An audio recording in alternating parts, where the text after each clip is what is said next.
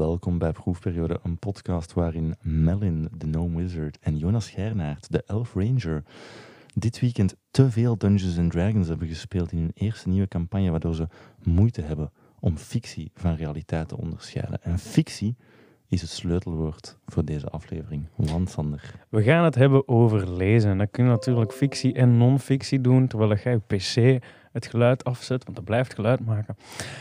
This is live, people. No editing, just raw footage. Bam. Ik ben ook gewoon tam aan te knippen. Hè. Uh, dus kunnen lezen. Je zou kunnen zeggen dat dat een basisvereiste is om te functioneren in het leven. Je kunt je character sheet in Dungeons Dragons niet opmaken als je niet kunt lezen. Je kunt een... Uh, ja, niet gebruiken als je de handleiding niet kunt ja, lezen. Als je ooit al trouwens naar een ander land bent geweest met een ander alfabet, ja. heel leuk om te ontdekken hoe beperkt dat je eigenlijk bent. Ja, en vooral hoe snel dat je gereduceerd bent tot handgebaren. Yep, yep. Je hebt mensen die elke dag lezen, een boek dat is, of misschien meerdere artikels of een krant. Je hebt mensen die ook gewoon ja, bijna geen letter lezen. Al kan het in de digitale tijdperk eigenlijk bijna niet. Nee, ja, er zal altijd wel lezen zijn in de vorm van uw berichten op sociale media. Hè, de basis mm. vereist om boodschappen te kunnen ontcijferen. Maar ik denk dat we daarom ook lezen hoe dat wij het hier gaan bespreken, die zegt neerzitten met een boek mm. of een soort van artikel, iets wat ook wel wat denkwerk vereist. Hè, waar je een beetje de motor moet opstarten en je fantasie laat werken. Al is het maar om iets te begrijpen, of om iets te voelen, of om iets te snappen. We gaan ook natuurlijk kijken of het uitmaakt wat dat je leest. Hè. We gaan een klein zijspoortje maken naar die main brok. Van oké, ja, misschien kijken we naar gsm, andere formaten. Kunnen we luisteren naar dingen, kunnen we kijken naar dingen. Ja, en allee, lezen, het is echt niet te onderschatten hoe belangrijk de effecten van lezen zijn. Hè, want lezen op zich, ça va, maar veel lezen gaat ervoor zorgen dat je ook kritischer gaat leren redeneren, dat je ideeën gaat leren verkennen. En, zoals we later gaan zien, is goed kunnen lezen ook een heel goede voorloper van professioneel succes. Ja, en het zou ook een training zijn voor uh, visualisatie, want je hallucineert letterlijk wat je leest als je bijvoorbeeld uh, een beetje fictie aan het lezen Letterlijk, hè? zo blijkt. Ja. Je brein doet gewoon alles na alsof dat jij het meemaakt. Dus heel cool. Lekker trippen. Nu ja, ja het lezen en schrijven en boeken heeft allemaal een grote ehm, impact gehad op niet alleen uw eigen leven, maar ook gewoon wij als mens, als maatschappij, als beschaving. Mhm. En dat kunnen we eigenlijk een beetje als volgt schetsen. Dat is dan begonnen eerder oraal, vind ik leuk om te zeggen. Um, en dat is dan via verhalen. Denk aan de Bard van Dungeons and Dragons, die dan... Laat het los.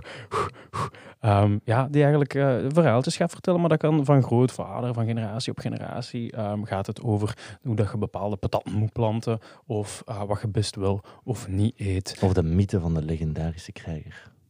Melin. De nee. rock gnome. Ah nee, ik mag niet. Maar, Nico, verhalen, ja, dat is een beetje alsof je telefoontje speelt, gelijk op de Giro over de Scouts vroeger. Ja, dat bericht, dat durft dan een keer vloed te worden. Dus dat kon accurater en ook gewoon op grotere schaal. Ja, want het probleem is dat hè, als je een verhaal vertelt en iemand vertelt dat verhaal en die panter wordt steeds groter elke keer als hem dat vertelt, tot daar aan toe. Maar als je in Egypte zit en je ja. graan aan het veranderen, en je haalt niet bij hoeveel graan dat je verkocht hebt en aan welke prijs, en ze komen daarna graan ophalen, kom in de problemen. Met de fiscus? De eerste schriften, ja, de IRS was toen al heel sterk aanwezig in Egypte. Maar dus vandaar dat we eigenlijk in, in het oude Sumerië, wat dan nu een beetje Egypte is, hebben we de eerste tabletten en papierschriften teruggevonden. En de eerste bedoeling daarvan was puur eigenlijk uh, mercantiel. Mhm. Dus het bijhouden van transacties van graan en andere zaken. Daarna... Het kapitalisme is uh, daar dus eigenlijk uh, sterker begonnen. Oké, okay, we zijn... linkse mening, alsjeblieft. Uh, daarna hebben ze gezegd van, oh ja, die, die, die tabletten allemaal, dat pakt eigenlijk best wel uh, veel plek. Maar laten we eens kijken, misschien kunnen we dat ook gewoon samen bundelen in boeken. Um, en dat concept is dan zo een beetje als uh, in de vorm van het codexformaat um, ontstaan. Denk aan het oude Rome, want ja, als we ergens gaan kijken naar een volk dat structureerde en ordenen, dan ja, zijn zij dat wel.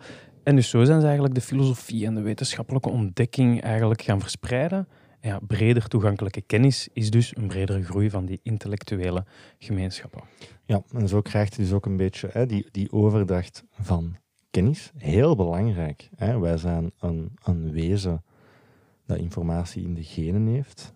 Maar heel veel van wat dat wij leren is eigenlijk cultureel bepaald. De cultuur waarin we opgroeien. En boeken zijn eigenlijk een manier geworden voor ons om veel sneller en veel meer informatie te kunnen cultiveren dan anders. Stel dat je al iemand zijn kennis kunt distilleren in een boek en de volgende persoon die leest dat gewoon en die weet dat heeft er niet jaren voor moeten experimenteren. Dus de overdracht van kennis gaat een pak sneller. Hm. We hebben nog altijd, alleen weten, de, de oude Grieken. We hebben nog altijd mensen vandaag de dag die meditaties oppakken van Marcus Aurelius om te snappen hoe het stoïcisme in elkaar zit. Dus we hebben echt boeken die al 2000 jaar meegaan en nog hm. altijd relevant zijn. Dus die kennisoverdracht dat is echt wel heel Ja, maar als mensen natuurlijk tam. En dat wil zeggen dat we niet zo graag de hele tijd onze hele leven spenderen om boeken over te schrijven. Dus um, kwam Johannes Gutenberg daar in de 15e eeuw met een ongelofelijke revolutie, de drukrevolutie. Ken het? Um, ja, dat heeft nog breder publiek aangetrokken. Democratisering van kennis kunnen dan noemen. Renaissance, reformatie, wetenschappelijke revolutie. En dus informatie kon sneller gedeeld worden. Dat is heel belangrijk. Zonder, zonder Gutenberg. Zonder Gutenberg geen Playboy. Nee, nee, maar wacht, we moeten dat cateren naar onze doelgroep van uh, volgens Spotify vrouwen van om, om en rond de 30. Dus ik ga nu een mopje maken, wees niet boos op mij. Geen gids voor het leven als oude vrijster met drie katten. Sorry. Zonder Gutenberg. Zonder Gutenberg. Oké. Respectfully. Zeg, jij hebt je onze luisteraars net oude vrijsters genoemd met drie katten. Je hebt die lijn uitgevonden, bam. Ah, oké, dus wat dat we dan krijgen hè, na de drukrevolutie van de heer Gutenberg, zien we eigenlijk heel veel wetenschappelijke en technologische vooruitgang, de verspreiding van wetenschappelijke principes. Bijvoorbeeld het heliocentrisch model. Hè, of uh, motion is the best lotion. Motion is the best lotion. Ik weet niet of dat, dat is precies toegevoegd geweest in, ja. Uh, ja, ja. in de show notes. Vond ik belangrijk om mee te noemen, ja. Dus na die wetenschappelijke en technologische vooruitgang, hè, de intellectuele gemeenschappen gingen er snel op vooruit, maar natuurlijk, wat gebeurt er na een tijdje? Ja, onderwijs, hè. Lekker jammer. We worden gewoon lekker op schoolbanken gedumpt, omdat we nu uit boekjes uh, kunnen lezen. Ik zeg jammer, maar bon, kijk, deze empowerment zorgde voor meer uh, geïnformeerde burgers natuurlijk. Ja, kijk, sociale, politieke veranderingen komen daaruit voort. En je zou misschien nog extra democratischer samenlevingen kunnen gaan zien. Iedereen kan de kracht tot zich nemen om verandering ja, te maken, want ze weten ook gewoon over wat het gaat. Heel mooi, heel mooi. Dus ja, ze dragen dan uiteindelijk nog bij in het vormgeven van culturele identiteiten. Wat bedoel ik daarmee? Uh, jij bent 19 jaar oud, jij ontdekt dat is kapitaal van Marx en jij beslist voor drie jaar dat je een communist bent. Ja, dus die culturele identiteit kan wel sterk beïnvloed worden door boeken. Ook in fictie. Hè. Fictiewerken kunnen ons helpen met inzicht te krijgen in verschillende perspectieven en ervaringen. Zoals het is Leviosa. oh, en daarna heb je dan het, uh, het, uh, het, digitale tijdperk en het internet, ken het. En dan was, uh, ja, ja dat, dat, was het kanon, dan konden we allemaal los de bos in. Kennis was wereldwijd en direct overal en zo goed als bij iedereen. Maar ja, aan de andere kant, met dat het zo makkelijk geschreven en verspreid kan worden, en het nog meer het kaf van het koren. Wat is fake news? Wat is authentiek? Terwijl als er vroeger een boek fout was, ja, dan ging iedereen daar misschien ook wel van uit. Boeken en schrijven waren een grote stap voor de mensheid. Ik denk dat dat wel uh, duidelijk is. Maar is het ook een grote stap voor de mens zelf? En daar duiken we nu wat dieper op in. Uh, het is ook belangrijk, hè, hoe beter uw woordenschat is, hoe beter je de wereld gaat begrijpen. Uh, ik vind dat heel interessant eigenlijk. Er is vaak een, een discussie over, ja, gebruik jij moeilijke woorden? Maar ik ben daar niet mee akkoord. Ik denk dat je waar mogelijk altijd moeilijke woorden moet gebruiken, want die dekken vaak beter de lading Nuancering. van wat je wilt zeggen. Hè? Ik ben niet heel kwaad, ik ben woedend. Hm. Bijvoorbeeld, heel simpel voorbeeld, maar als jij niet weet wat dat woedend is, dan kun je enkel zeggen: Ik ben heel boos. Of ik ben heel, heel boos. In plaats van: Ik ben razend. Terwijl je trouwens beter zegt: Ik voel me boos. Want je moet je niet gelijkstellen met de emotie. Dus dat is ook weer language. Ja, oké, maar ik heb je geen 70 euro betaald, Sander, dus laten we niet beginnen. Hè? Neurolinguistic programming, baby. Geen emotionele analyse. Oké, oké, ja, kijk. Dus Laten we het dan ook hebben over begrijpend lezen. Niet alleen een kuttoets tijdens de les Nederlands, maar ook gewoon belangrijk om boodschappen te ontcijferen. Um, en dan heb ik het niet alleen over hoe gebruik je deze kortingsbon best. Um, nee, maar, ook gewoon... Heb jij ooit al zo, zo rapporten gezien van mensen die zo'n rapport moesten schrijven, maar zo eigenlijk niet goed wisten wat ze erin wilden zetten, en dat ze dan zo gewoon wel zeven opschrijven, en dat je dat leest en dat je denkt van, maar hè? Ja. Maar die zin klopt. Zo, hier is toch iets fout met wat dat jij zegt. Wel, jij herkent dat omdat je kunt begrijpend lezen. Ja, en hoe beter dat je dat kunt, hoe beter dat je onzekerheden, onjuistheden, onwaarheden gaat gaan kunnen vinden mm in teksten. En hoe beter eigenlijk je kritisch redeneren ook wordt. Ja. hebben het al een beetje gehad over de definitie uh, daar straks. Hè, effectief boeken, zowel fictie als non-fictie of informatief. En we hebben gezegd, er is een verschil tussen lezen op een smartphone of een boek. Maar voor het doel van deze opdracht maakt dat niet uit. Hè. We hebben elke dag minstens 10 pagina's gelezen van een boek naar keuze. Als een soort van minimumvereiste. Dat mocht uiteraard meer zijn. Om te zien van ja, wat gebeurt er als we consistent beginnen lezen. Ik wil misschien nog een klein stukje ehm, toevoegen van Andrew Huberman. Mhm. Dat niet enkel over lezen gaat, maar ook over schrijven. Ja.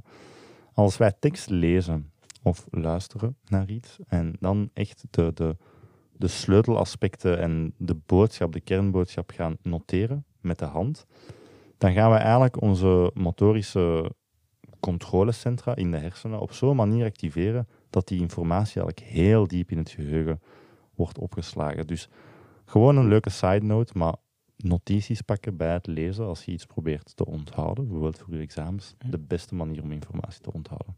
Ja, dat is het mooie aan. Dus we hebben elke dag tien pagina's gelezen. Hoe vaak leest je enkel tien pagina's? En eens je vertrokken bent, blijft je gaan. Wat zijn die voordelen die we gehad hebben? Ehm, niet alleen Dungeons and Dragons is voor nerds, maar lezen, het schijnt ook. Uh, zeker vroeger werd dat volgens mij toch wel bekeken. Raar, hè? Ja. Dat idee. Ja. Ja. Dat is zo, oh, uh, ik kan mijn fantasie niet gebruiken om mij iets in te beelden. Dus ik lees geen boeken en ik vind dat raar als andere mensen dat doen. Ja. Sorry, ik ben vroeger bestuurd omdat ik boeken las, dus dat zit, uh, zit een beetje diep bij mij. Misschien was het dan omdat mensen hebben dan series om te kijken, dus kunnen ze hun kop afzetten om dat te doen. Misschien had je dan toen boeken het nieuwe ding waren, waren mensen die geen boeken lezen. Net de... de ja, mogelijk, mogelijk. Ik denk wel sowieso dat Lezen is een activiteit die, uh, we gaan daar straks over terugkomen bij de voordelen van lezen, mm. rond een neuroplasticiteit. Lezen is een cognitief actieve taak. Hè, dus je, je, moet er wel bij zijn. In een serie kun je kijken en zo wat spacen, zoals dat je zelf zegt, maar iedereen zal het wel al meegemaakt hebben dat je een boek leest als je moe bent en dat je dan ineens niet meer kunt volgen en je zet je een tel kwijt. En dus als je hoofd er niet bij is, kun je wel niet lezen. Dus het is een activiteit dat wel mentaal wat denkwerk vereist. Absoluut. Misschien waarom dat nerds zo vilified en gepest werden, is omdat sommige mensen misschien denken um, dat fervente lezers zich superieur voelen, misschien ook moreel, dan de mensen die niet lezen, wegens ze denken dat ze slimmer zijn. En dan krijg je zo een dingen van aan de ene kant heb je arrogante klootzakken en die, die lullig doen. Sorry, maar dat, dat, dat luistert alsof dat je echt zo impliceert dat je jezelf als intellectueel superieur beschouwt. Maar nee. Dan wie? Iedereen leest de hele tijd. Omdat ik een beetje Brandon Sanderson zit te lezen, ben ik slimmer dan de rest of zo. Nee, nee. Ja. Denk ik niet. Maar ik denk wel dat het er zo'n beetje van, van beide kanten kan tussenkomen. Net zoals mensen die moeilijke woorden gebruiken om mensen die aan de ene kant kunnen beter nuanceren. Aan de andere kant maakt je ja, je boodschap misschien minder voor een breed publiek uh, beschikbaar. Maar ja, Ehm, mensen denken soms dat je misschien introvert bent, uh, omdat je veel tijd doorbrengt met een boek als je op de speelplaats als enige op een, uh, op een bankje zit te lezen. Dat was alleen maar oké als je die nieuwe Harry Potter aan het lezen waar die net was uitgekomen. Maar dat is ook zo, want ik zat ook op het bankje op school met mijn Harry Potter boek en ik ben ook introvert. Dus voilà. is dat echt een vooroordeel, gewoon een vaststelling. Vind jij gewoon een dagboek hier neergeschreven en hebben we dat fout gezet? Uiteraard. Ik denk ook dat er, ja, zo, uh, wat ik persoonlijk als voordeel ervaar, ik lees heel graag fantasy en science fiction. En dat wordt wel vaak zo van, ja, maar dat is toch voor kinderen. Mm. Is niemand er een draak in steekt, dat het noodzakelijk voor kinderen is. Ik heb altijd, enerzijds vond ik het altijd heel beperkend, het idee dat je hebt een oneindige verbeelding. Ja. En je besluit gewoon om fucking bruggen te pakken als decor voor je boek. Dat ik denk van, oké, maar weet je, er zijn leukere dingen dat je kunt doen. Je bent, je bent letterlijk niet gebonden door, door de regels van de realiteit. Maar ik snap dat sommige mensen willen een meer grounded verhaal, hè, waar ze zichzelf in kunnen herkennen. Ja, ik geloof nog altijd dat ik magische krachten ga krijgen. Dus voor mij is het op zich geen probleem om mij in te leven in, in fantasy. Maar ik snap wel dat dat... Dat wordt ook een beetje, gezien als mindere literatuur soms. Mm. Zo van, uh, ah, is fantasy. Ik heb uh, de broers Dostoevsky net gelezen. Mm. En zo, alsof dat hun dat is dan weer zo dat intellectuele superioriteit. Dat merk ik eigenlijk wel bij zo echte diehard lezers. De mannen die zo Ulysses beginnen lezen en die dan zo notities pakken en daar twee jaar mee bezig zijn en zo. Dat gaat ook een beetje mijn petje te boven. Ulysses trouwens, hm. voor, de, voor de luisteraar, ik zal er straks nog op terugkomen, een fantastisch ingewikkeld boek. Dat is echt voor jezelf te pijnigen. Maar dat is voor de zijsporen. Ja, iedereen kan toch genieten van wat hij wilt. En dan als laatste punt, ga nooit um, met iemand die het boek gelezen heeft naar de verfilming van uh, dat boek. Uh, al moet ik wel zeggen dat ik met onze Dungeon Master, Bram, ooit naar Dune ben gaan zien.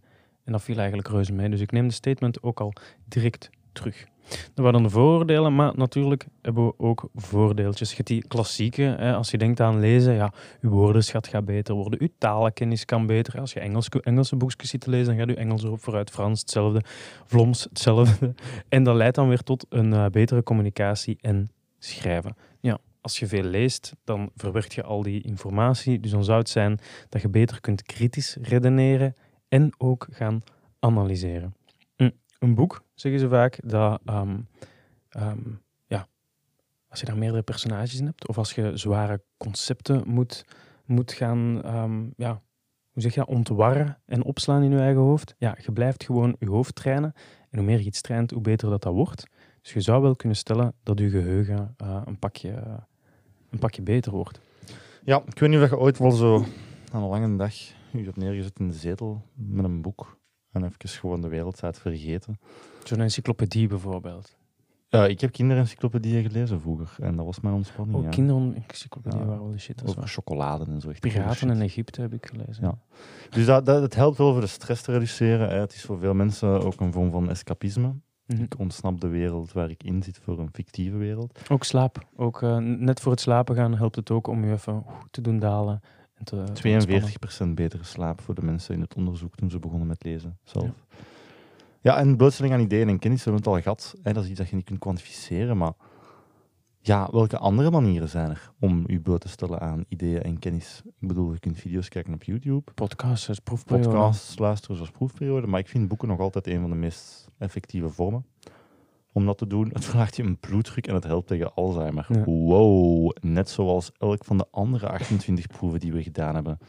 Ik heb het gevoel dat je dingen zijn, doen die goed zijn voor u of zo actief aan jezelf bezig zijn, dat dat je bloeddruk misschien gewoon verlaagt. Ja. En je hersenen gebruiken zorgt ervoor dat je niet dement wordt. Ja, of het feit dat je ontspant. En dat, je, dat, dat, dat kan het ook al doen. Nu hebben we ook al actieve dingen gedaan, dus dat is eigenlijk wel waar. Ja. Maar het feit dat je niet uh, ja, constant met alles uh, 2000 dingen bezig bent. Dus je zou langer lezen, uh, leven. Tot twee jaar. Ook, ook, lezen dan. Maar ook hier weer correlatie. Ja, inderdaad. U, uw concentratie zou, zou erop verbeteren, wat ook wel sens maakt, want je traint het weer. Ja, belangrijke caveat.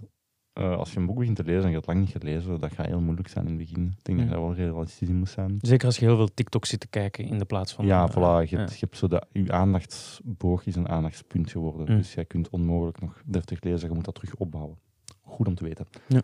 En het kan goedkoop. Maar dat hoeft het niet per se te zijn, maar het kan wel ja, ik heb het gevoel dat we hier met twee uiteinden van het spectrum zitten. Aan de ene kant, man gebruikt bib ja. op een logische manier. Aan de andere kant, man koopt special editions. handbound special edition letterbound boeken van 200 euro. Shit. Maar het kan goedkoop. Hè? Ja. Maar er zijn ook zaken waar je niet meteen aan denkt bij de voordelen. Want dat zijn alle klassieke voordelen, hè? dat weten we allemaal. Maar wat ik wel interessant vind, is boeken lezen verhoogt uw empathie. Mm -hmm. En dit is echt een goede studie. We hebben uh, fMRI's gedaan van de hersenen. Hè? En we gaan eigenlijk mensen aan een boek blootstellen. Um, dat was eigenlijk heel grappig, want die studie was heel moeilijk om uit te voeren. Want je mocht niet bewegen in die machine. Dus die werden vastgehouden aan hun hoofd. En dan werd er een scherm voor hun ogen, waar elk woord individueel verscheen. En dan kon ze eigenlijk op die manier het boek zogezegd lezen. En dus wat gebeurt er als je een boek leest? Acties en sensaties die in het boek beschreven worden, gaan wij gewoon integreren met onze eigen kennis en ervaringen. En we gaan diezelfde hersengebieden activeren dan wanneer wij die acties en sensaties zelf zouden waarnemen. Dus wij gaan echt dat boek gaan hallucineren in ons hoofd. En dus eigenlijk wat er gebeurt is, jij zet jezelf constant in situaties, in verschillende perspectieven. Jij krijgt een inzicht in de innerlijke denkwereld van die personages. Jij ziet die conflicten zich uitspelen. En jij leert daaruit. Jij wordt daar empathischer van, hm. omdat jij die ervaringen opdoet. Dus iemand die veel boeken leest, gaat ook waarschijnlijk makkelijker je perspectief kunnen zien. Want dat lijkt misschien op het perspectief dat ze ooit al gezien heeft van een personage. Dat vond ik heel interessant. Ja, je leest u in de schoenen van iemand anders eigenlijk. Ja. Het is ook een hele belangrijke soft skill voor op het werk. Aan de ene kant het natuurlijk, ja, geletterdheid is gemakkelijk. Hoe beter gelezen je bent, in principe, hoe hoger je uh, salaris. Dat zijn gemiddelde. Maar zelf na um, correcties voor opleidingsniveau, gender, leeftijd, etniciteit en zelf ouders. Dus dat geeft ja, de, ja, hoeveel dat de ouders verdienen dan. Dat geeft, dat geeft toch wel weer aan van oké, ja, als je goed met woorden bent, dan kun je in principe nou, verder geraken. Dus dat is, ja, dat is gewoon heel mooi. Ehm, ook die neuroplasticiteit, dat vind ik uh, een interessante. Ja, dat is, dat is, ik denk dat we eerder moeten stellen dat boeken lezen is neuroplastisch eerder dan. Hè. Dus neuroplasticiteit, het feit dat uw hersenen zich kunnen aanpassen mm. en veranderen, is een concept dat we hebben aangehaald in vorige afleveringen. Gebeurt heel sterk tot je 25 bent en dan neemt dat af. Dus je kunt zowel nu al een beetje anxiety krijgen van shit, mijn hersenen zijn al een beetje vastgeroest. Maar niet getreurd, dat gaat nog steeds. Je kunt mm. nog steeds eigenlijk alles overhoop gooien na je 25. Gewoon iets trager. En lezen is dus een uh, heel goede neuroplastische activiteit, want je moet eigenlijk om neuroplasticiteit op te wekken een soort van gerichte cognitie hebben, een, een concentratie. Je moet er echt wel mee bezig zijn. Je kunt niet van het een naar het ander fladderen en dan verwachten dat er in je hersenen effectief iets gebeurd is. Je moet op het moment zelf gefocust zijn, aandachtig zijn, er echt mee bezig zijn en dan goed slapen. En dan neuroplasticiteit. En dat zien we dus met boeken. Wat wel leuk is, denk ik. Het is er nu zo warm dat ik niet zo aandachtig was naar uw, naar uw uitleg. En dat is super uh, ironisch. Ja, ik zit hier ook zonder t-shirt, dus ik snap al dat je afgeleid staat. dat is dan ook waar. Daarom is het ook zo warm. je zou 25% meer kans hebben om gezond te zijn, maar nogmaals, correlatie is geen causatie. Um, nu, aan de andere kant, als je heel veel uh, boeken over uh, ja, gezondheid en, en hoe gezond zijn leest, ja, dan zou je misschien wel van causatie kunnen spreken. Als je dan tenminste iets doet met de inzichten die je verkreeg. Ik denk dat als we naar ons eigen voorbeeld kijken, dat je dan gewoon anxiety krijgt over alle dingen die je niet goed doet in je leven. Ja, dus je bent ongezond en je hebt anxiety waar je vroeger gewoon ongezond werd. De best. zalig. Dus voilà, eigenlijk enkel maar voordelen voor, uh, voor boeken te lezen. Ik denk dat dat ook wel voor de meeste van jullie al duidelijk was, maar voor de mensen die een beetje on the fence zijn, van zou ik wel terug wat meer beginnen lezen, denk dat we genoeg argumenten hebben gegeven. Buiten gewoon het belangrijkste argument, dat eigenlijk heel vanzelfsprekend is, maar let's be real about this, lezen is leuk. Mm. Uh, we hebben het nog vrij droog gehouden. Ik wil even een lans breken. Lezen is leuk. Ik doe dat al gans mijn leven. Dat is een van mijn favoriete dingen om te doen. Mijzelf mm. laten transporteren in een boek. Een hele leefwereld meemaken, personages. Hè? Je, je kunt er niet tegen praten, het zijn geen echte vrienden, maar je, je, je bouwt wel dat rapport op met die personages. Je wilt weten wat er gebeurt. Ik vind het een fantastische. Ik vind het eigenlijk bijna, zo, bijna magisch. Het is, het is een soort van flow state waar je in geraakt. Zeker als je het dan hebt op, op fictie. En, zo, je... Denk daarover na, zo in fictie. Hier zijn inkt op een, op een papier. Ja. In een bepaalde structuur geordend. En ik heb geleerd om die symbolen te interpreteren. En ik gebruik dat om mijzelf te smijten in een volledig ingebeelde wereld die iemand anders heeft bedacht. Ja. En ik geef daar mijn eigen draai aan. Ik interpreteer dat op mijn eigen manier, mijn eigen ervaringen, mijn eigen kennis. Mhm. Want ik heb ook niet zo'n visuele visualisatie. Dat is, dat is heel raar. Ja. Zo beschrijvingen zijn en zo. Dat, ik, dat, ik, dat durf ik wel eens iets diagonaler over te gaan. Ja, ja voilà. Maar dus lezen is ook heel leuk. Hè. Ik denk dat dat het, grootste, het grootste voordeel is. Gewoon een leuke activiteit. Ja, absoluut, absoluut. Um, laten we dan eens gaan kijken. Hè je zou kunnen zeggen, oké, ja, vorige, uh, vorige maand, jongens, jullie hebben het over dopamine gehad, op die smartphone zitten, dan komt er weer uh, te, veel, te veel vrij, dan zit je dat te stekken. Is het dan wel goed om te lezen op een, een smartphone? Ja, dat is te bekijken. Ik ben niet iemand om te zeggen hoe scholen het moeten gaan, gaan aanpakken, want aan de ene kant moet je ze klaarstomen voor de echte wereld, hè, die kinders. Aan de andere kant um, ja, kun je jongeren terug in contact brengen met gelamineerde kaften zoals het hoort. Ja, en ik denk dat uh, wat dat, uh, in de studies hebben gevonden, hè, dus die hele discussie rond smartphones. Lezen op een smartphone is, ja, dat scherm, dat licht is niet fantastisch. Mhm. Dus voor je ogen, fysiek, is dat misschien niet wauw. Maar verder is dat equivalent met een boek. Ja. Hè? Het probleem met smartphones is meer dat we... Kinderen lezen gewoon minder. En, en lezen minder diep. Hè? Mhm. Het is goed om op TikTok een tekstje te lezen bij een video. Mhm. Maar we missen een beetje die diepgang, begrijpend lezen, al die kinderboeken. Ik heb het gevoel dat dat misschien meer geskipt wordt als ze sneller op die smartphone zitten. En dus we zien dat er echt een soort van um, ja, daling is in, in leescapaciteiten op, op hoger niveau. Mm kritisch redeneren, bewust redeneren, lange teksten lezen en analyseren. En dus dat, dat valt allemaal een beetje achteruit allemaal de fout van de smartphones. Inderdaad, dat is al die afleidingen ook. Hè. Je clickbait, korte filmpjes. Um, Nu, niet alle elektronische dingen hoeven daarvoor per se slecht te zijn. En je hebt mensen die enorme boekencollecties hebben.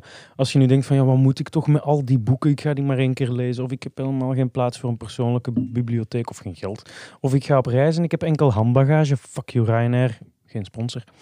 Ehm, dan kunnen we wel een e-reader pakken. En dat is dan een goed alternatief. Um, je hebt van die e-inkt, dat zijn van die, uh, van die balkjes die uh, door een elektrische lading af en aangezet worden. Dus in principe moet dat zelf geen backlight hebben. Als je licht hebt, kun zien. Je hebt geen blauw licht, dat je wakker houdt. En je kunt wel, ik weet niet hoeveel, um, ja, boeken meenemen. Je hebt ook geen afleiding van TikTok of andere zaken. Dus in principe ben ik wel fan van de e-reader. Ik gebruik die om mijn, uh, om mijn fantasy zeker te lezen.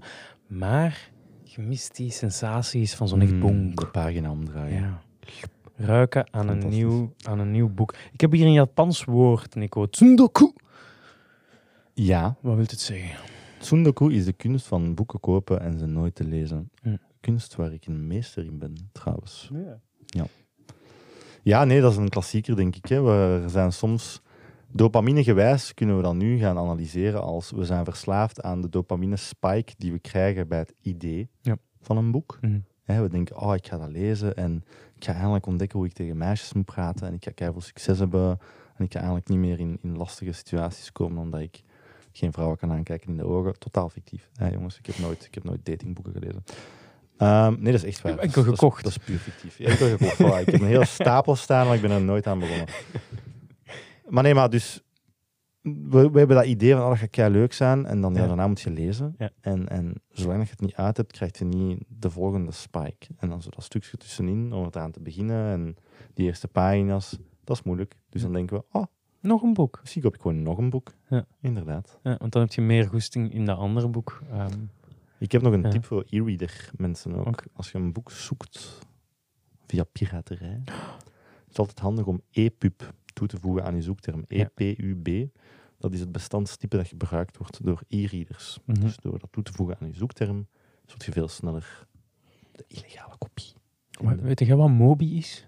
Mobi is een, ook een formaat. Dat is Amazon vooral, denk ik, dat dat gebruikt misschien. Ja, of, of Apple. Maar als je boeken wilt trippen en je weet niet hoe, stuur ons een berichtje op de socials. Inderdaad, want wij gaan dat helemaal niet... Als de politie luistert, wij gaan het helemaal niet vertellen aan jullie hoe dat je dat doet. Als de politie niet luistert, komt het ons ons maar vragen. Nu, we hebben het uh, in de intro hebben er volgens mij over gehad. Ja, wat is dan het, luisterboeken tegenover het gewoon lezen?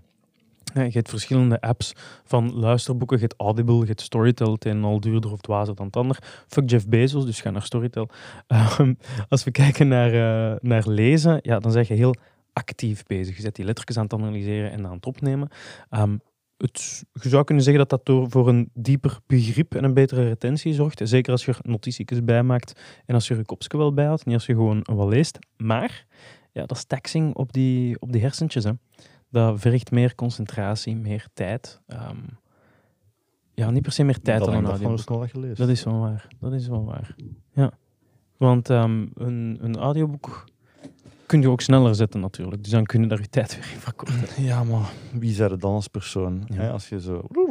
Ik luister mijn boeken op maal vier snelheid. Ik heb geen vrienden. Uh, nee, let's not judge, let's not judge. Nee, ja, ik denk luisterboeken zijn misschien iets toegankelijker. Uh, heel handig in de auto. Ik denk dat dat... Als ik even naar mijn eigen ervaring kijk, de enige use case dat ik heb voor een audioboek is in de auto. Ja. Ik heb ooit uh, World War Z, waar de film op gebaseerd is, maar het boek is eigenlijk heel anders, geluisterd. En dat was heel cool. Hm. Dat was ook voice act met een voicecast van 40 personen, dus dat was volgens mij een sterke uitzondering. En luisterboeken staan of vallen ook veel meer met de stem van de persoon die ze inspreekt. Dus je hebt eigenlijk een soort van. Je hebt eigenlijk. Ik wil een Dungeons Dragons referentie doen, maar ik ga het niet doen. Je hebt eigenlijk twee twee keer dat je chance moet hebben. En het boek moet goed zijn en de gast die het inspreekt moet het ook goed ingesproken hebben. Dat heb je niet als je het gewoon leest. Ja. Dus ik, allee, ik, ben ook, ik luister ook naar podcasts. Uh, we maken een podcast. Ik ben zeker niet tegen auditief informatie doorgeven. Ja.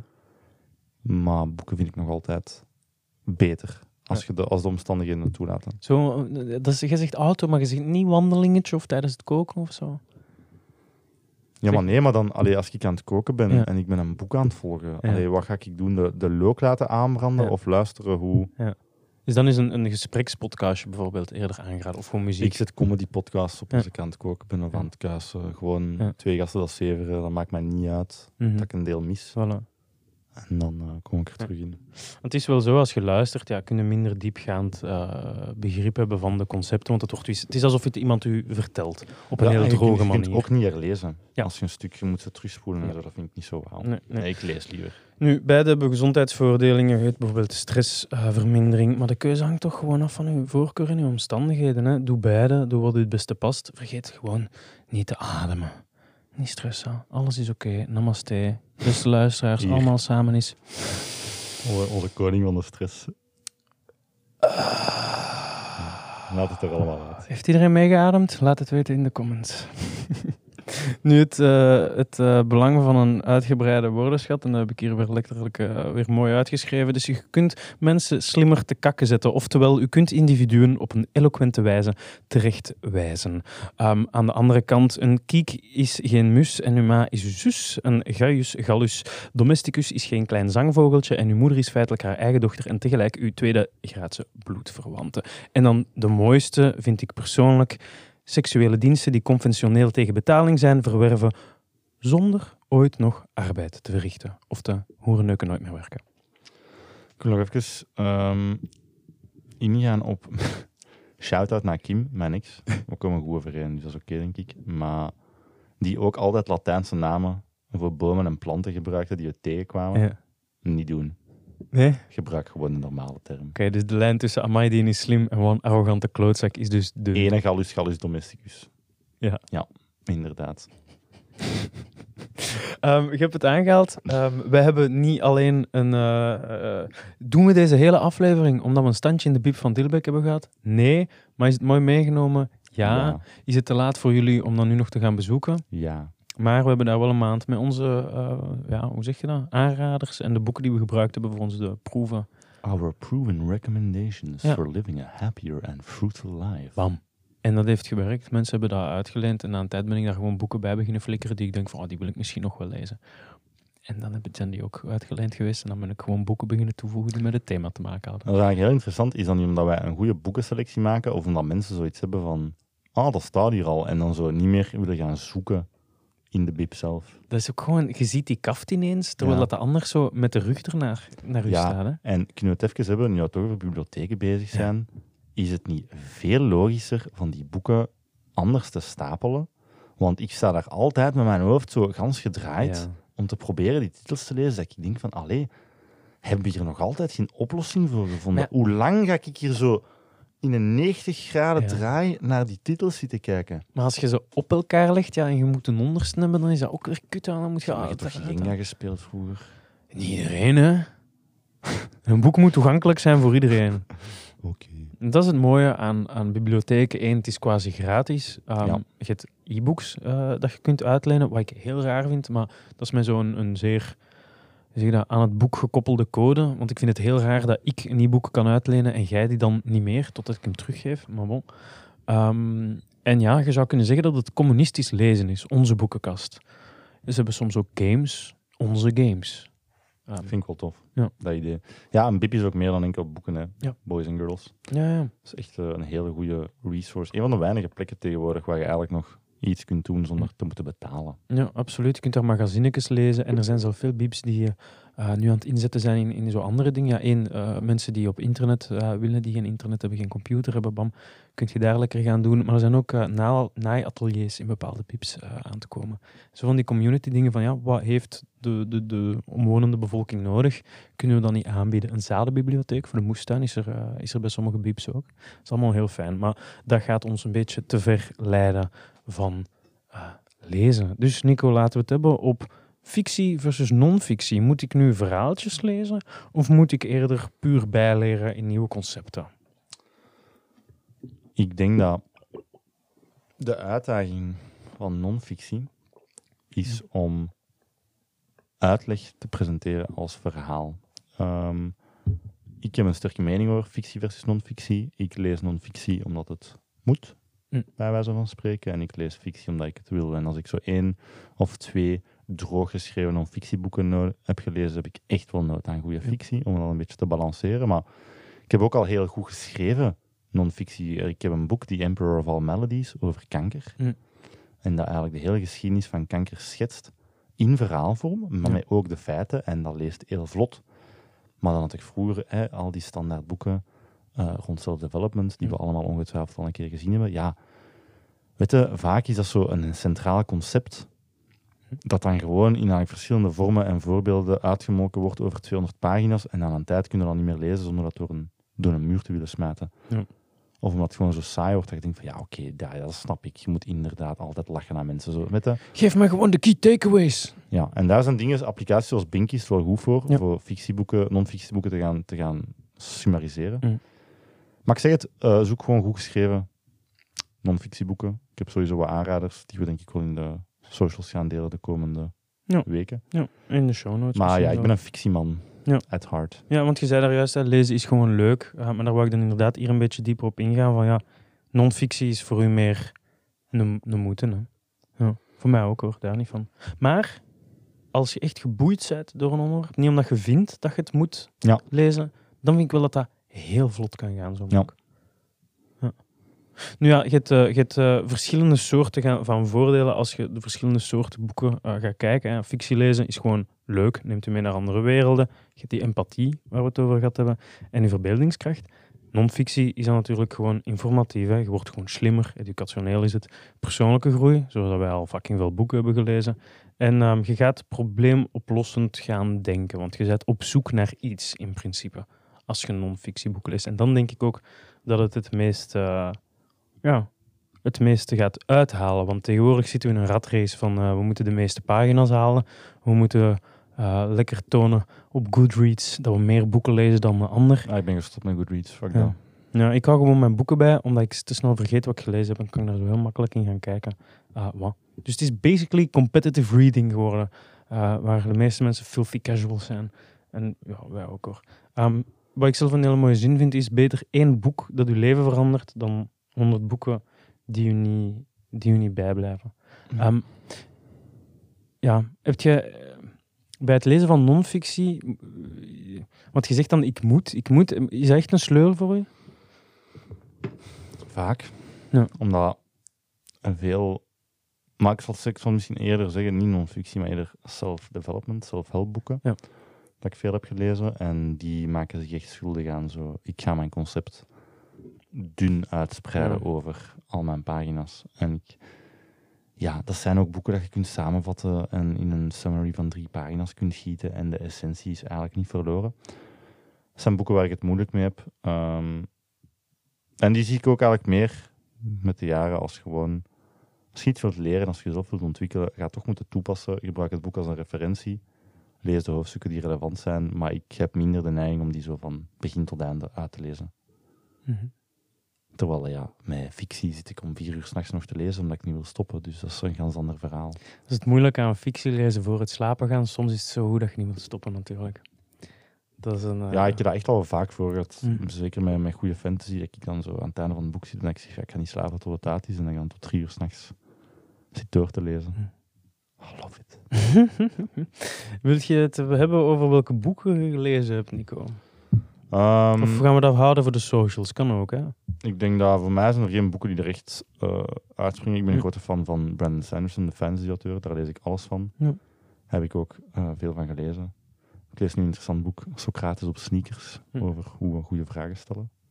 Heel leuk, ook heel leuk geschreven non-fictieboek. Ja. Maar, uh, ah, dat is leuk. Die, die willen misschien checken. Ik ben uh, de Daily Stoic van Ryan Holiday aan het lezen. Lekker een uh, stoïcijnse bitch. Ah, die kan goed hypen, hè. Ja. Als je dat leest, dan denk je altijd van, ga mijn leven veranderen. Ja, doen dan niet. Ja, het is ook maar één pagina, dus zoveel was ik er niet mee met onze challenge. Ja. Um, maar dat is wel tof, want het laat u stilstaan bij de zaken. Um, maar, ja. Maar hij heeft ook echt boeken geschreven, hè? Ja, ja, ja. De Ego is the Enemy en... Is The Obstacle is the Way.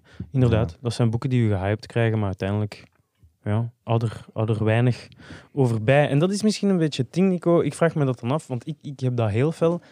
Um, als ik een boek aan het lezen ben, non-fictie, dan denk je van ja, ik ben aan, bijle aan, aan het lezen om iets bij te leren, om dat, om dat op te slaan, toch? Ik, ja, ik snap wat dat je bedoelt. Ik zou je laten uw vraag afwerken als je wilt. Uh, maar ik heb daar ook een een hypothese over. Oké. Ik lees een boek omdat ik mezelf wil voor, uh, voorbereiden voor iets. Of ik, ik, ik wil iets bijleren. Ik wil dat in mijn, in mijn catalogus van kennis hebben. Of ik, ik, ik zit met een probleem en ik wil daar een oplossing voor. Maar heel vaak ja, onthoud ik gewoon niet wat ik lees nadat ik het gelezen heb. Doe ik dat boekje toe en dan ben ik gewoon helemaal vergeten wat er, uh, wat er staat. Ik denk dat er hier een verschil gemaakt moet worden tussen wat kun je binnen een context bovenhalen, bewust of onbewust, en wat kun je bewust, zonder context, allemaal uitleggen over het boek. Ja. Waarom zeg ik dat? Ik heb onlangs bijvoorbeeld uh, in april een boek gelezen over invloed, beïnvloeden. Heel goed boek. Influence? Influence. Robert Cialdini? Nee, nee, nee. Dat is Persuasion. Dat, zo, dat zijn zo meer echte typische self-development boeken. Dat is zo wat meer sales tactieken en zo. inderdaad. Nee, nee. Het boek dat ik heb gelezen was heel, heel goed. En legde eigenlijk uit waarom zijn we soms wel of niet akkoord met een keuze. Hm. Wat beïnvloedt het feit dat we ingaan op een optie of niet. Uh, hoe, wat beïnvloedt eigenlijk ons gedrag? Hè? En blijkt ook dat heel veel gebeurt een beetje onder de motorkap, bij wijze van spreken, onbewust, et cetera, dat we mensen gaan evalueren. Dat boek was heel interessant en heeft mij heel veel bijgeleerd over... Ja, ten eerste, je moet, je moet zelf dingen durven vragen. Hè, want mm een nee is een nee, een ja kunnen krijgen, is een heel simpel concept, maar is voor veel mensen nog altijd moeilijk toe te passen. Er zijn mensen die gaan zeggen, ik heb al tien jaar in opslag gekregen, maar die nog geen enkele keer zijn gaan vragen, mag ik opslag krijgen? Dus mhm. Dus er waren veel concepten dat mij bijbleven in dat boek. Ik heb wat notities genomen dat ik heb bijgehouden. Dat vind ik wel een belangrijke. Zeker als het goede boeken zijn. Die notities kan ik opnieuw bekijken. Echt, checkt je dat echt? Nee, maar ik kan dat. Ja. Dus als ik nu wil herchecken, dat zijn mijn eigen notities. Dus ik ga die sneller, mm snel doorhebben en ik ga terug mee zijn. Maar waar ik wat toekomen is... Ik heb gemerkt in de dagen nadat ik dat boek heb gelezen, dat ik onbewust, als ik in een situatie kwam waarin ik iets wou beïnvloeden, weet je, wat maakt dat je kiest om iets wel of niet te doen in een situatie? Er is iets dat je zegt, dit is wat ik moet doen. Onbewust. En ik had echt het gevoel, na dat boek te lezen, van ik ben hier keuzes aan het maken dat meer in lijn zijn met wat ik heb geleerd in dat boek. En ik haal er ook meer resultaat uit. Dus dat was een hele goede feedback loop. En ja, heb ik alles van dat boek onthouden? Nee. Maar dat is ook niet de bedoeling, denk ik. En ik denk, moest je dat boek over tien jaar lezen, bekijk je dat ook met een andere bril. Hè. Haal je weer nieuwe dingen uit. Je ja. een kind dat ik probeer te beïnvloeden, wat dat totaal niet gaat. En zo. Dus ik denk, het is niet omdat je een boek niet verbatim kunt afratelen met alle concepten, dat er niet iets is blijven hangen. Dat denk ik wel echt. Ja. dat is misschien de, de, de Platinum Hunter Collection, collection Challenge uh, in mei, die zoiets heeft van alles wat je doet moet uh, efficiënt zijn. Uh. Ja, ja moest jij 70 euro hebben liggen, Sander, ik zou je daar een analyse over geven, maar... Heb jij nog boeken waar je het over wilt hebben nu, voor we afronden? Mm, ik denk... Ja, over het algemeen als mensen nog op zoek zijn naar boeken, vind ik alles van Brené Brown wel interessant. Tenminste, om eens, uh, om eens naar te kijken. Dus ook omdat ik het onlangs gelezen heb. En een kleine shout-out naar Magali de Reu over haar boeken over uh, eh, ADHD en autisme. Dat vind ik ook uh, interessant momenteel. En uh, Tres and the Emerald Sea ben ik nu aan het lezen. Dank u Nico voor die aanrader. Mm. Um, pareltje, nog net niet uit. Ik blijf er net iets te lang op. Ja, dat is geen probleem, dat is herkenbaar. Ja. Dat zijn zo de main ones. We hebben nog wat tips ook, hè, voor we afsluiten. Stel dat jij zegt, oké, misschien moet ik toch terug wat meer lezen. Mm. We hebben wat tips. Uh, heel leuk, ze spreken elkaar ook los tegen. Ja. I love it. Ja, maakt ook niet um, uit. Ja, ik denk heel, heel simpel. Uh, begint sowieso met materiaal dat je interesseert. Uh, er is heel veel saaie documentatie die je nooit gaat willen lezen en die ervoor gaat zorgen dat je niet gaat willen lezen. Pak iets dat je boeit. Mm. al is het de schrijfstijl die je boeit, het verhaal, het thema, het genre. Vind iets. Geef het ook wat tijd om te vinden wat je graag leest. Ja. Ik leg boeken neer als ik ze niet leuk vind. Ik heb geen probleem om er is ook niks mis mee. Het is zo. Ja, die auteur gaat niet op u, aan uw deur komen kloppen en zeggen van hela.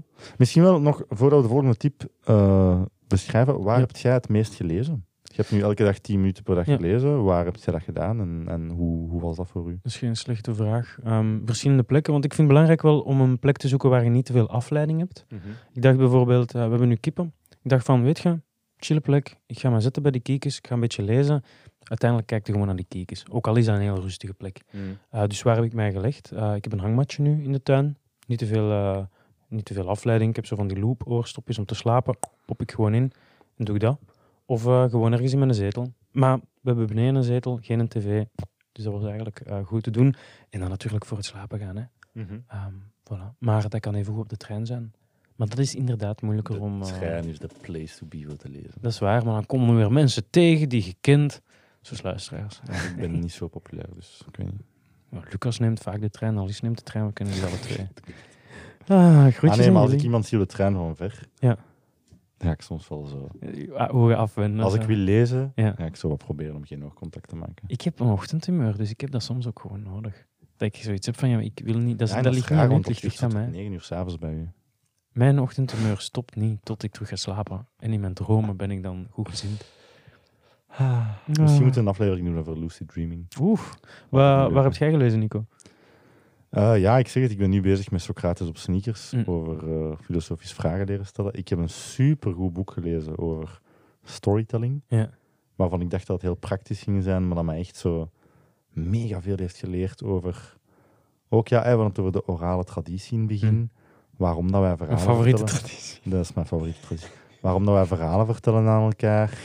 Hoe dat allemaal is ontstaan. Dat wij eigenlijk ook een soort van ons brein is een, geen fact processor. Ja. Wij zijn story processors. Mm. En mensen die dat niet snappen, gaan nooit hun ideeën kunnen overbrengen. Dus heel, heel, heel interessant boek. En dan heb ik uh, van Brandon Sanderson heb ik Yumi and the Nightmare Painter Staat voor gelezen. de lijst. Heel leuk. Ik vind zo het, het body swap concept voor ja. een verhaal ook zo tof. Hm. Dus uh, nee, ik heb, er, ik heb er drie uitgelezen in augustus. Wat een mooie, een mooie retour is. Meer dan dat ik gemiddeld zou doen. Ja. Dus ik heb er wel wat meer tijd voor genomen. Maar ja. Oké. Okay. Volgende, volgende typetjes?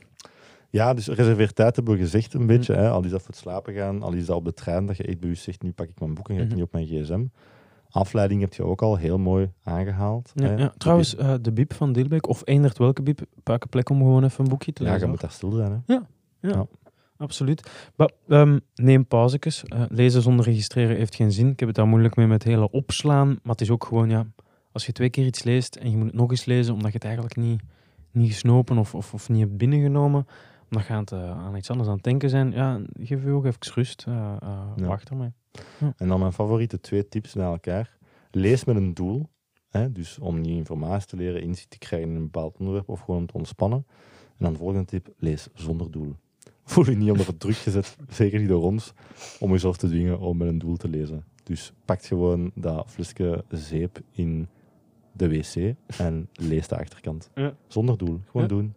Ja, gebruiksaanwijzing. En dan misschien de allerbelangrijkste tip, de tip die het meest gaat werken bij de mensen, is we kunnen het misschien nu gewoon doen. Kijk, kijk naar boven, beste luisteraar. En vraag luidop aan het universum om je leesvaardigheden te verbeteren. Dan manifesteert je het ook. En vergeet niet dankbaar te zijn als je dan ook beter kunt lezen dankzij het universum. Omdat je het gevraagd hebt. Luidop. Wat denkt je daarvan? Uh, ja, ik denk dat we een keer terug uh, kritisch moeten evalueren. Misschien een proefperiode aflevering rond manifestatie. Ja. Dat lijkt me een goeie. Ja, kunnen we dat we daar even kritisch in gaan. Ja. ja. Nee, maar ik manifesteren, ik wil er nu niet over beginnen. Gaan we die aflevering gewoon manifesteren? Wil dat dan zeggen dat we, dat we niet zeggen dat we niet aan moeten werken, toch? Nee, maar we gaan niet, we gaan niet zijsporen over manifestatie. Ja, dat, klopt ook misschien niet. Ja, er is wel een boek. Oh, The Secret. Ja. The Secret is echt zo'n klassieker ja. van manifestatie. Ja. Is eh, van ja, er is eigenlijk een groot geheim dat het universum naar u luistert. En als jij iets goed genoeg wilt en jij houdt dat in je hoofd en jij denkt daar constant over na, ja. dan gaat het universum signalen uw kant uitsturen en dan gaat het dus eigenlijk manifesteren. Nee, dat is fout. Wat dat er gebeurt is, jij gaat je hele denken en handelen schikken naar uw doel. Ja, dus jij komt iemand tegen en je zegt, oh, ik ben aan het denken om eigenlijk mijn hondenkapsel te openen. Ik zie hier super hard zitten. En die persoon die gaat twee weken later horen van, ah ja, zeg, uh, ons Annie, het hondenkapsel is gestopt hier in de buurt. En die gaat naar u sturen, ah zeg, Annie die is gestopt in de buurt. Dat zijn misschien heel wat klanten. En jij denkt, het universum heeft zichzelf gemanifesteerd. Nee, nee, nee, nee. Maar misschien... het werkt dus wel, hè. Het werkt dus zo, maar er is geen magie. Hè? Als jij met iets bezig bent en jij ademt dat uit en jij praat daarover ja, tegen mensen, absoluut. mensen gaan opportuniteiten zien die voor u interessant zijn daardoor. En zo komt je eigenlijk in die manifestatie. Je bent ermee bezig en actie is bijna altijd beter dan, uh, dan inactie. Maar misschien heeft het universum wel ervoor gezorgd dat Annie van de trap is gevallen en nu haar handen niet meer kan gebruiken om hondjes te kappen. Oké, maar ik denk dat dat genoeg gezijspoord is over manifestatie. We hebben jullie tips gegeven. We hebben jullie uitgelegd waarom dat lezen belangrijk is. Waarom mhm. je het meer zou moeten doen. Waarom het gezond is. Waarom het gezond is. Het verschil tussen fictie en non-fictie. Hoe moet je lezen? Wat moet je lezen? Dus ik denk, eh, genoeg om over na te denken. Ik denk dat wij nog niet beslist hebben wat we volgende maand gaan doen. Nee. Nee, maar Sanas komt eraan. Sanas komt er sowieso Ik heb er even geen zin in, omdat het gewoon fucking warm is nu in de Scot. Ja, en Sander gaat ook op uh, verlof. Ja. Dames en heren, dus daardoor dat wel een beetje fout te kort timing. Ja, kijk, het is wat het is natuurlijk. Hè. Misschien uh, vragen we nog wel een interessante gast hier en daar. Ja. En uh, voor de luisteraars die nog niet afgehaakt zijn, hebben jullie een interessant boek waarvan jullie denken dat we het moeten lezen? Al is het maar om aan te halen in de podcast of hm. gewoon zomaar. Ja, ik hoor het altijd graag. Book recommendations zijn altijd leuk om te krijgen. Ja, absoluut. Ik zal in Spotify een paar extra vragen stellen. Uh, ook of dat je vrouw van 30 bent. Um, en dan, uh, dan denk ik dat we mee klaar zijn. Check onze socials, want daar komen nog uh, boekaanraders. En um, ja, mond-to-mond reclame denk ik dan. Hè. Zeg. Take care. Love you. Inderdaad. Bye.